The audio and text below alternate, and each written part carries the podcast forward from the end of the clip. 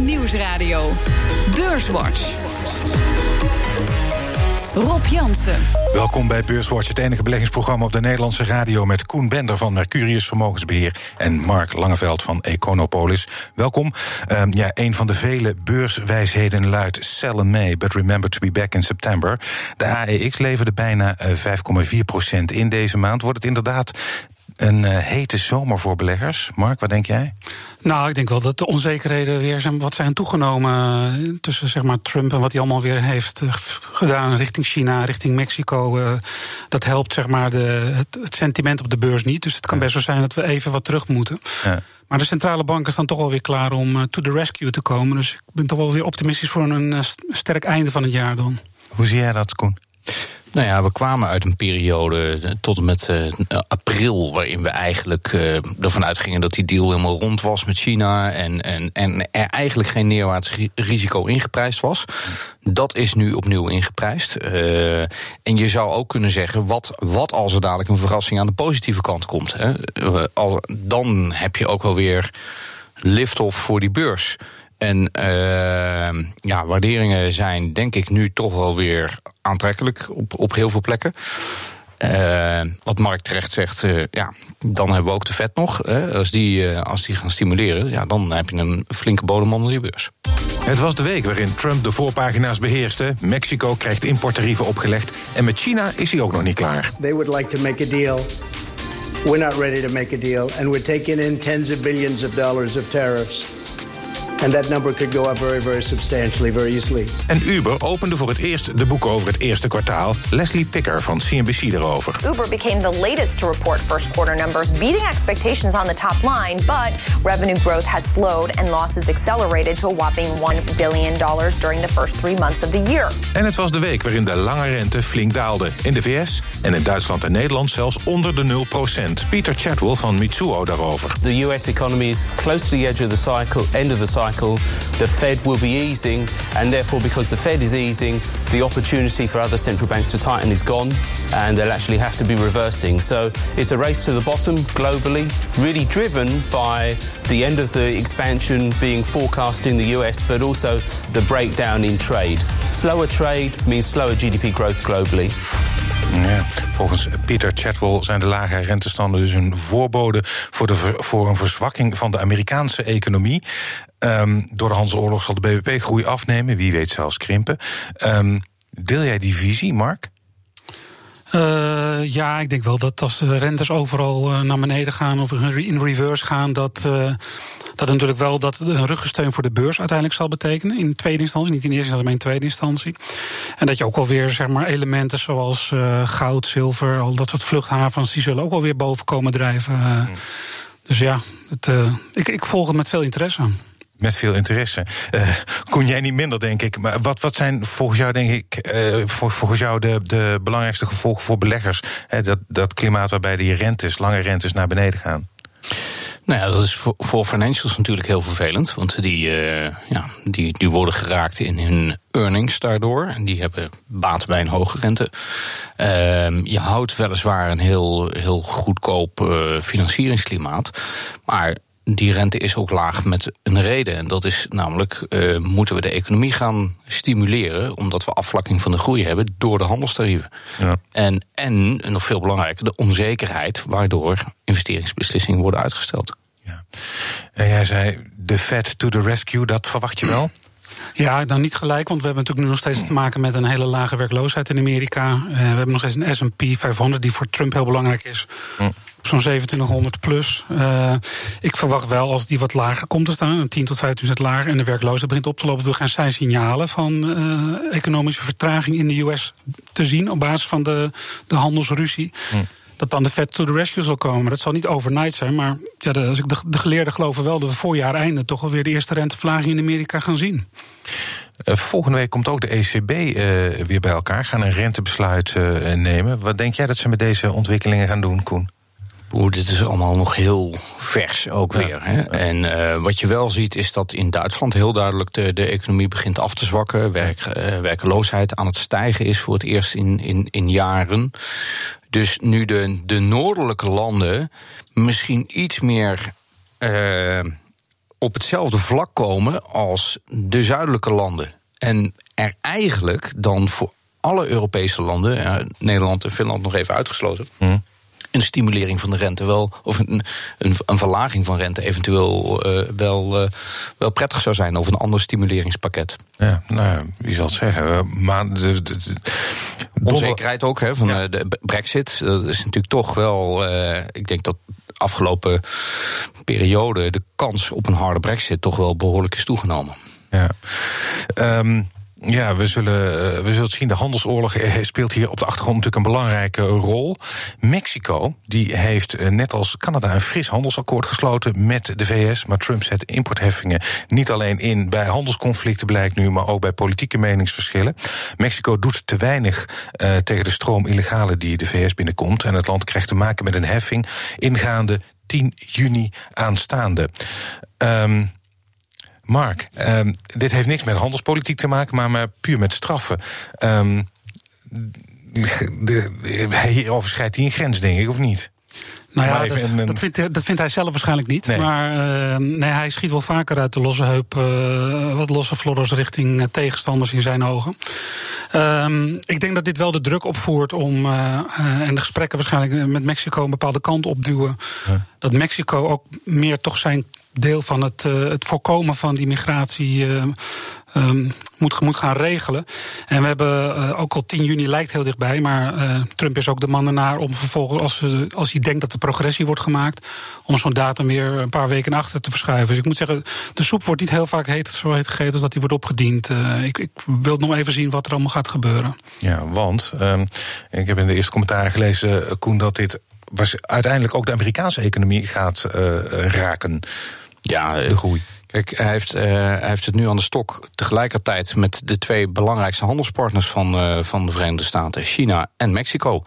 En het is, het is geen eenrichtingsverkeer. Uh, met, met goederen over die grens. Hmm. Het gaat ook over halffabrikaten die dan weer in, in de VS worden gemaakt en dan weer naar naar Mexico worden verstreept. Dus het, is, het zit veel gecompliceerder in elkaar. Ja. Uh, het, het, is ook een soort van laatste redmiddel voor, voor Trump om nog hm. iets te stellen. Want die, die muur, ja, daar komt hij niet verder mee.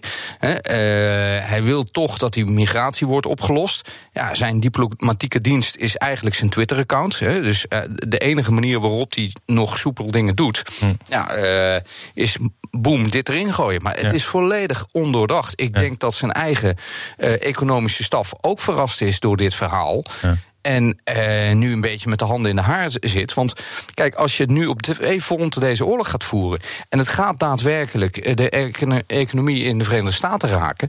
ja, uh, dat is niet in Trump zijn voordeel om uh, een, een, een, een mogelijkerwijs misschien zelfs een recessie te hebben... op het moment dat hij herkozen moet worden. Vraag maar eens aan Jimmy Carter hoe dat afloopt. Ja. Maar hij hoopt misschien dat die recessie nu eerder komt... waardoor de Federal Reserve, als die to the rescue komt... voorjaar einde en in 2020, dat het weer net op tijd is om zometeen ten tijde van de verkiezingen te kunnen claimen dat het herstel weer is ingezet. Uh, ja. Dat is maar misschien de achterliggende gedachte uh, risi bij Risicovol, uh, risicovolle strategie van ja. Donald. Ja, dat, dat is wel typisch meneer Trump. Ja, want um, he, je, je, zegt dus de soep wordt niet zo heet gegeten als die wordt opgediend vaak bij Trump. Maar we zien inmiddels door de verslechtering van de verhoudingen dat nu ook China, nou, daar het niet over, de, juist de afgelopen week behoorlijk hard terugslaat met volgens mij vrij serieus dreigementen. Geen metalen meer exporteren naar Amerika. Wordt een lijst aangelegd van bedrijven die misschien niet, uh, geen zaken meer mogen doen. Um, ja, dat, dat lijkt me. Uh, dat wordt dus misschien toch wel een heet soepje. Ja, ja absoluut. Kijk, uh, als je The Art of War leest van Sun Tzu... Uh, en ik denk ja. dat de Chinezen die beter beheersen dan Trump waarschijnlijk... die heeft hem waarschijnlijk niet gelezen. Maar ja. het, uh, je moet ook wel hard inzetten om misschien tot de beste deal te komen. Maar het klopt, Chinezen die, die slaan natuurlijk ook hard terug. Die zitten daar niet voor niks. Hm. En kunnen ook beleid maken voor de komende 50 jaar. Die hebben geen problemen van stress van over twee jaar moeten we herkozen worden of volgend jaar. Dus ja, qua beleidsmatig denk ik dat Amerika hier eh, de, niet als uiteindelijk uh, helemaal de winst gaat pakken. Maar die zeldzame aardmetalen, dat is wel ja. een dingetje. Want China met 120.000 ton de grootste producent ter wereld. En Amerika importeert er zo'n 10.000. Voor ja. onder andere de mobiele telefoonindustrie, uh, voor displays, voor niet te vergeten defensie. Hm. En uh, ja, uh, 10.000 ton, daar komt de bulk van uit China. En als dat er niet meer binnenkomt, dan geeft dat wel een probleem in de hele uh, supply chain voor zeer kritische industrieën voor, voor Trump zelf. Dus het, het is wel een heel een hard middel. Maar ik denk wel ja, terecht dat China natuurlijk eventjes ook zijn spierballen laat zien. Ja. En hoe gaat dat aflopen? Koen, je mag een voorspelling doen. Het, ik bedoel, eh, aan de ene kant, hè, want uh, we hebben ook wel eens hier aan tafel gezegd: uh, Trump heeft een, een punt, want China heeft de handelspraktijken van China die deugen niet. Ja. Um, maar goed, we hebben natuurlijk al heel lang gezegd: het gaat uiteindelijk gaat het niet om zoveel sojabonen van mij en zoveel staal van jou. Het gaat om dat, een hele technologie en intellectual property. Ja. Nou, daar komt het nu ook op neer. Uh, ja, hoe gaat dit aflopen? In, in eerste instantie lijkt het erop alsof China de, de, de underdog is. Mm. Ik ben het volledig met Mark eens. Eén uh, punt wil ik nog aan zijn rijtje toevoegen. En dat is dat de People's Bank of China veel meer gunpower heeft om de economie te stimuleren. En dat ook doet. Dan dat de Amerikaanse centrale bank mogelijkheden heeft om de economie te, te stimuleren. Ehm, dus ik, ik denk dat China uiteindelijk, om de long run, er veel meer bij gebaat is. En hele interessante deals zal gaan sluiten met de rest van de wereld. Daar waar Amerika zichzelf verder isoleert. En uh, op heel veel gebieden zou dat kunnen. Dat is natuurlijk niet wenselijk. Bedrijven verhuizen. Uh, maar kunnen nu nog geen beslissingen nemen zolang ze niet weten wat er precies is. Hè. Uh, er, er zijn fabrieken die weg aan het gaan waren naar China en naar Mexico zouden gaan.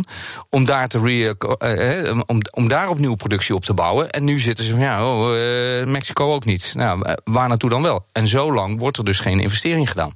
Daar moet je doorheen. Zometeen praten we verder over beurs en economie. Onder andere over de avances van Fiat Chrysler naar Renault. BNR Nieuwsradio. BNR Beurswatch. We bespreken de belangrijkste beursontwikkelingen van deze week. Dat doe ik met Koen Bender van Mercurius Vermogensbeheer en Mark Langeveld van Econopolis. Maar eerst maken we de balans op van de afgelopen week. De AEX die sloot op 540,5 punten vandaag. Dat is 1,2% lager dan een week geleden. Stijgers. De drie grootste stijgers. KPN op 1 met een plus van 1,6% afgelopen week. Op 2 Relax met een plus van 0,6% En op 3 DSM met een plus van 0,4 zijn meteen ook de enige stijgers eh, op weekbasis in de AEX. En het midcap aandeel dat het best presteerde deze week was BAM met een plus van 4,6 procent. Dalers. Dalers. Op 1 ArcelorMittal met een min van 6,2 procent. Op 2 NN Group met een min van 5,8 procent. En op 3 Heineken met een min van 3,9 procent. En in de midcap was de grootste daler OCI met een min van 11,4 procent. En de AEX is deze week drie van de vijf handelsdagen lager gesloten. En als we kijken naar de afgelopen week en wat de financiële kant het meest bezig hield, denk ik, is toch wel uh, het. Uh, aanzoek dat Fiat Chrysler heeft gedaan aan Renault. Italianen willen een fusie van gelijkwaardige partijen. Um, Mark, komende dinsdag vergadert het bestuur van Renault over dit voorstel. Als jij aan tafel zou zitten, wat zou jij dan zeggen? Doen of niet? Vanuit Renault-perspectief. Ik, ik, kijk liever vanuit de belegger. En ik, ik, ben sowieso niet geïnteresseerd uh, voor de, de, de, totale synergievoordelen. Mm Die worden geschat op 5, 6 miljard over zes jaar na de completion van de, van de fusie. Ja. Het is 1 of 2 euro per aandeel via het Chrysler. Uh, ik vind dat allemaal minimaal. Het komt natuurlijk van, ga jij maar eens proberen in Italië of Frankrijk fabrieken te sluiten. Want wie mag de, de, werkloosheid daar uh, op zijn rekening nemen? Nou, ik heb een beetje gezien hoe dat met de budgettekorten gaat in eh, Frankrijk en Italië. En ik, ik heb niet het idee dat dat nou een heel makkelijk uh, proces gaat zijn. Dus ik, ik blijf daar heel ver vandaan als belegger. Ja, ja. En uh, Koen, zie jij heil in een mogelijke fusie tussen die twee? Nou, ik snap wel dat ze het, dat ze het moeten doen. En ehm, het, het vult aan. Maar om te zeggen, ik wil dit in mijn portefeuille hebben. Nee, uh, sowieso wil je Franse bedrijven uh, het liefste mijden. Dat weten, mm. we, weten we natuurlijk maar al te goed uh, op Schiphol. Mm, ja. if you can't fire them, why should you hire them? Ja, en uh, ja, wat het ook nog complex maakt. Uh, Renault heeft een stroeflopende alliantie met Nissan en Mitsubishi. Um, Zou er nog plaats zijn voor die Japanners als die twee zouden fuseren, Fiat en uh, Renault? Wat denk je? Nou ja, Renault heeft ook, is 43% van Nissan of zo. Ja. Dus uh, het, het, kan een munt zijn om zeg maar te gelden te maken en aan uh, te gebruiken in het hele fusieproces om aandeelhouders te plezieren of wat dan ook. Of je gaat met z'n drieën verder. Dan ben je wel de, een van de, de grootste, denk ik, op, met 15 miljoen ja. units die je kan produceren wereldwijd. Het, het, biedt mogelijkheden voor enorme synergievoordelen. Maar nogmaals, uh, dan moet je de drie hebben die mee willen werken. En ik zie bij al die drie, qua zeg maar vakbondachtergrond en qua nou ja, appetite om, om zelf diep in het eigen vlees te snijden, die is niet zo groot. Ja. ja. aan de andere kant, ja, uh, hij zit nu uh, op de bank met een enkelband. Maar Carlos Ghosn heeft wel wat bereikt in de Franse auto-industrie de afgelopen jaren, Koen. Dus, nou, hij is begonnen met Nissan daarmee, ja. met, met die hele reis. Hij wilde het volledig integreren. En daar ja. hebben de Japanners van gezegd, dat gaan we niet doen. Hm. kijk, ik denk dat ehm, het om het succesvol te maken heb je de Japanners erbij nodig. Dat wil de Franse overheid ook. Het is nu al, al die platformen, al die onderdelen worden al gedeeld. Plus, als je serieus wil meedoen op de wereldkaart, wil je in de grootste groeiende automarkt zitten. En dat is China. En uh, Fiat Chrysler gecombineerd met Renault hebben we nauwelijks voet aan de grond uh, in, in China. Er worden wat uh, Jeep Compass uh, verkocht, hm. maar dat is het wel ongeveer. En Nissan verkoopt daar anderhalf miljoen auto's. Hm. Daar waar de, de Renault en, en, en, Fiat Chrysler samen er nog geen 400.000 doen. Dus hm. om succesvol te zijn in China hebben ze Nissan nodig. Bovendien technologie, ontwikkelingen, productieprocessen, daarin lopen toch de Japanners voorop. Dus ja, uh, ik, zou, uh, ik zou zeggen, probeer ze erbij te krijgen. Alleen dat zal niet in de eerste fusieronde gaan. Hm. En de cultuurachtergronden, ja, dat is natuurlijk heel erg no uh, lastig. Laten we niet vergeten, Renault heeft het al een keer geprobeerd met Jeep. Ja, dat is toen niet gelukt. Ja. En uh, ja, nu, nu via de achterdeur nog een keer. Ja. Ja, je ziet Fiat Chrysler is natuurlijk twee keer zo groot qua omzet als Renault. Dus ja. de Fransen zullen dan moeten, zich moeten accepteren dat ze niet in de driver's seat zitten. En nou ja, ik, het lijkt me cultureel. Ja. Een, uh, een, mooie uitdaging voor de Italianen om dat te proberen. ja. Ik zou niet graag in hun schoenen staan. Ja. Uh, bon chance. Ja. Maar jij zei, ja, je was kritisch als, als, als belegger. En, en heb je het dan alleen uh, over deze casus? Of zeg je van ja, auto-aandelen? Want die, zijn, die hebben de slechtste maand sinds jaren achter de rug. De Europese auto-aandelen. Dus zeg je sowieso, laat maar even zitten?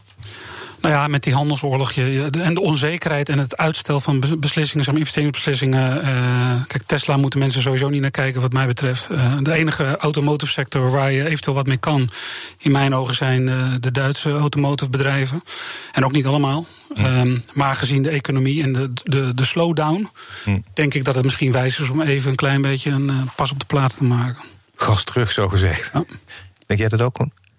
Uh, ja, nogmaals heel veel, heel veel onzekerheid. En ja. uh, uh, je weet niet waar de tarieven zijn. BMW opent volgende week een fabriek in Mexico voor de 3-serie. Nou ja, prettige wedstrijd met deze nieuwe tarieven. Dus dat, dat komt er nog weer een keer bij. onderhandelingen over die tarieven gaan ook komende week verder, verder plaatsvinden. Ja, veel onzekerheid. Dus, Zeer complex allemaal, ja. Ja, wacht maar even. Ja. Um, iets heel anders slecht beursklimaat of niet. Uh, er komt een uh, nieuw bedrijf naar Amsterdam, althans een bestaand bedrijf, Zuid-Afrikaans, Nespers heet het. Dit is een mediabedrijf uh, met een belang van 31% in het Chinese techbedrijf Tencent, bekend van WeChat. Um, dat belang alleen al is zo'n 130 miljard dollar waard. Um, en als het naar Amsterdam komt, dan is het na Shell en Unilever het grootste bedrijf op Damrak. Um, Mark, een waardevolle aanwinst? Dat denk ik wel, ja. ja? Het is uh, de grootste internetonderneming uh, ter wereld, denk ik. Uh, zeker binnen Europa. market cap van zo'n 100 miljard. En dat is een discount, een korting ten opzichte van de onderliggende waarde van die belangen. Je krijgt als het ware dat belang in dat Chinese bedrijf Tencent met een flinke korting. En nog wat andere niet-Afrikaanse belangen, die krijgen er als het ware als gratis call-opties bij. Uh, dus ja, ik vind het wel een interessante uh, toevoeging, zeg maar. En omdat die waarschijnlijk ook in diverse indices gaat komen, zoals de AIX en de Eurostox 50 en de MSCI, betekent ook dat je wat passieve indexvolgers gaat hebben, die er ook nog eens een keer een paar miljard in moeten gaan stoppen nadat de beursgang een tijdje heeft, zeg maar, gered. Dus mm. er zijn allemaal wel factoren waar ik enthousiast van word. Ik vind Tencent met zijn gaming inderdaad en zijn WeChat. Uh, vind ik een heel mooi bedrijf om van het, uh, het Aziatische internet mee te bespelen. En iedereen kent ze van Fortnite, de gaming. Uh, ik, ik, heb geen mensen in Nederland die no, nooit van gehoord, gehoord, hebben van Fortnite. Ik heb er wel van gehoord, maar nog nooit gespeeld. Um, Koen, Nespers. Um, ken je, jij komt nogal eens in Zuid-Afrika. Ken jij het bedrijf enigszins? Nou ja, het, het, wel al langer van, van de notering. En ja. uh, in uh, een van de emerging markets posities die we hebben, zijn weer belegd in, in Nespers. Als je kijkt naar hoe groot het bedrijf is, dan kun je daar bijna ook niet omheen. Als je in emerging markets belegt, dan, ja. dan, dan moet je in. in in Nespers zitten. Ja, en uh, betekent dat van, uh, ik weet niet wanneer zij, uh, wanneer ze die stap precies gaan zetten. Ik denk ergens, ergens in juli. Maar um, zou jij zeggen van nou, ik uh, zou er zelf instappen of van nou? Ik vind het zeker, ik vind het zeker een interessant, uh, interessante propositie. Hè. Niet alleen uh, de, de discount. Die, wij beleggen meer in, in houtse maatschappijen waar je mm -hmm. Nespers onder zou kunnen laten vallen. En de discount die Nespers heeft ten opzichte van zijn onderliggende waarde is extreem groot. Mm -hmm. Een Hal bijvoorbeeld, in, in, in Nederland genoteerd, zit met een discount van 3, 4 procent. Ja, hier hebben we het met een discount, ja, precies wat Mark zegt. Tencent krijg je, krijg je tegen een discount en de rest krijg je er gratis bij. Hm. Nou, uh, dat is, 1 en dat 1 is 2. Ja, dat, dat zou alleen niet zinvol zijn als die andere bedrijven zoveel geld verliezen dat, dat die hele discount wordt opgesnoept. Maar dat is niet het geval. Dus uh, er zijn andere redenen waarom Nespers tegen zo'n discount noteert. En dat proberen ze weg te halen, met name door die, door die beursgang in Amsterdam. Ja, en het is ook die, uh, die 40% korting of zo, die, die discount nu. Dat is een specifiek Zuid-Afrikaanse situatie, heeft te maken met belasting, uh, het weglekken van belasting over dividenden. Ja. En het feit dat in uh, het aandeel zelf op de Johannesburg Exchange vormt inmiddels 25% van de index. En heel veel indices die limiteren dat eigenlijk op 10%, waardoor je vanuit Zuid-Afrikaanse beleggers heel veel verkoopdruk hebben, omdat ze hun positie steeds moeten afromen. Ja. Dus eigenlijk is dat oneigenlijk reden en ook een verklaring waarom die discount zo groot is. En ik denk door de beursgang in Amsterdam zou dat een stuk minder moeten zijn. En misschien uiteindelijk tot een discount van 20% moeten leiden. En dat uh, is denk ik interessant dan om als belegger in Nespers daarvan mee te profiteren. Ja. We zijn alweer bijna aan het einde van de uitzending. En dat betekent dat het tijd is voor jullie tip voor de luisteraar. Koen, wat is jouw tip voor de luisteraar, voor de belegger? Nou, we hebben het heel veel over Tencent uh, gehad. Ik zou toch uh, willen kijken naar de recente correcties uh, die we met name in China hebben gezien. Ja. ik denk dat Alibaba heel, heel interessant is op deze niveaus. Zo'n 151 dollar. Ja, dus jij gaat voor de Chinese techbedrijven. Yes. Um, Mark, jouw tip voor de luisteraar in dit. Ja. ja ik zit heel erg te twijfelen aan goud. Uh, als gewoon als, als, als, vluchthaven, maar ik vind het een beetje lullig. Dus ik, ik, ik ga toch voor Disney. Uh, Disney? Ja, Disney is natuurlijk bezig met zijn alternatief voor Netflix uh, te komen. Met alle content, alle films. ze draaien gigantische successen met de Marvel en de Star Wars. En nu weer met Aladdin. Ja. Maar zodra het alternatief voor Netflix er is, en dat zal in Q3 zijn in Amerika en in Q1 volgend jaar in Europa. Dan denk ik dat een, een waarde op Disney zou kunnen bijgroeien ter hoogte bij wijze van spreken van een Netflix nu. En dat betekent ja. toch wel dat je een interessante beleggingscase hebt. En het is gewoon een mooi bedrijf. Oké. Okay. Chinese technologie en Disney. Hartelijk dank, Koen Bender van Mercurius Vermogensbeheer en Mark Langeveld van Econopolis. Dit was Beurswatch. Als u wilt reageren, dan kunt u een mail sturen naar beurswatch.bnr.nl of tweeten naar Rob Jansenbeurs. Terugluisteren, dat kan via de site, de app, iTunes of Spotify. En graag tot volgende week.